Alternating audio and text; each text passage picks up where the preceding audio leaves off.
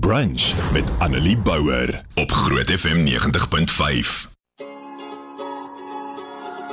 So dit is die begin van 'n nuwe jaar. Ons is wel al op die 12de Januarie, maar dinge is vandag verseker aan die gang. Die skool het begin. Meeste mense is terug by die werk en is terug in hulle normale rotines in. En aangesien dit nou die eerste spreek lewe vir die jaar is, wil ek so 'n bietjie fokus op 'n nuwe jaar met nuwe dinge. Nou, so 'n paar jaar gelede, dit nie nou gebeur nie, maar so 'n paar jaar gelede het iemand vir my 'n Franciscan blessing aangestuur vir Nuwejaarsdag op Nuwejaarsdag.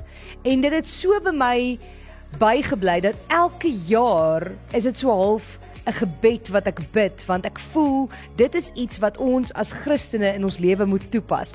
Dit is 'n dit is geskryf deur 'n non en alhoewel mense dit 'n Franciscan blessing noem, is die naam eintlik iets heeltemal anders. Dit is eintlik 'n non-traditional blessing want dit is glad nie tradisioneel nie. Want 'n seën en 'n seënwens sê ons gewoonlik om mense ja te seën een, maar net goeie goed te gee. Net dit wat vir hulle gelukkig sal maak, dit wat vir hulle sal opgewonde maak, dit vir wat vir hulle goed sal wees, dit wat hulle bly sal maak. Nou hoekom hierdie 'n nie tradisionele seën is, is omdat dit juis vra vir goed wat ons as mense nie noodwendig wil hê nie, maar wat ons as gelowiges nodig het. So ek het hom vertaal, hy is oorspronklik in Engels geskryf, maar ek het hom vertaal in Afrikaans. So ek hoop jy bid hierdie saam met my. En alhoewel dit nie 'n maklike seën is en 'n maklike gebed om te bid nie en alhoewel dit nie noodwendig iets is wat ons altyd wil hê nie, hoop ek dat jy die waarde van hierdie in 2022 sal besef. So ek gaan hom vir jou in Afrikaans lees. Hy sê: Hierdie gebed sê: Mag God jou seën met ongemak. Vir maklike antwoorde, halwe waarhede en oppervlakkige verhoudings sodat jy diep in jou hart kan leef. Mag God jou seën met woede vir onreg, onderdrukking en uitbuiting van mense sodat jy kan werk vir geregtigheid, vryheid en vrede. Mag God jou seën met trane vir die wat pyn, verwerping, honger en oorlog verduur. Sodat jy jou hand kan uitsteek om hulle te troos en hulle pyn in vreugde te verander.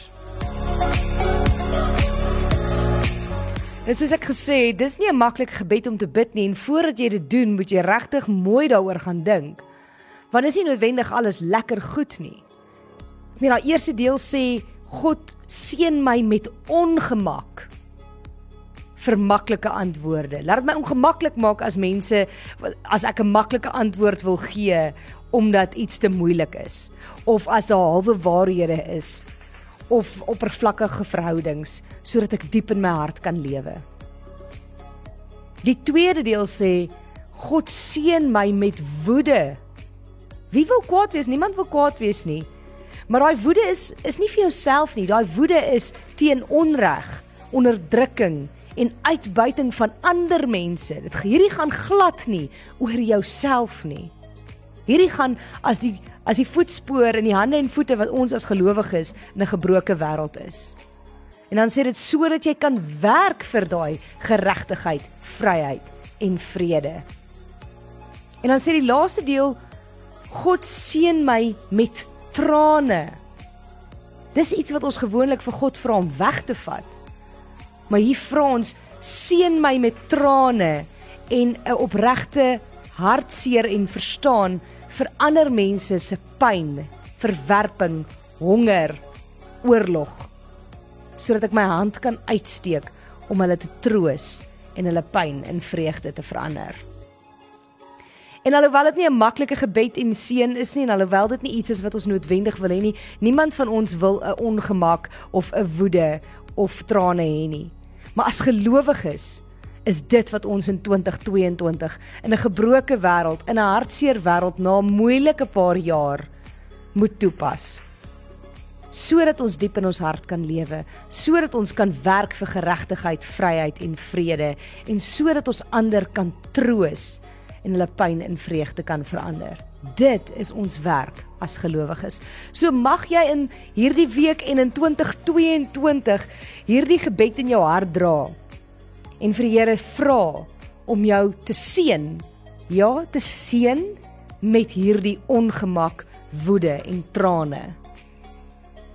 Sodat jy 'n groter verskil kan maak. Annelie Bouwer, weekoggend tussen 9 en 12 op Groot FM 90.5.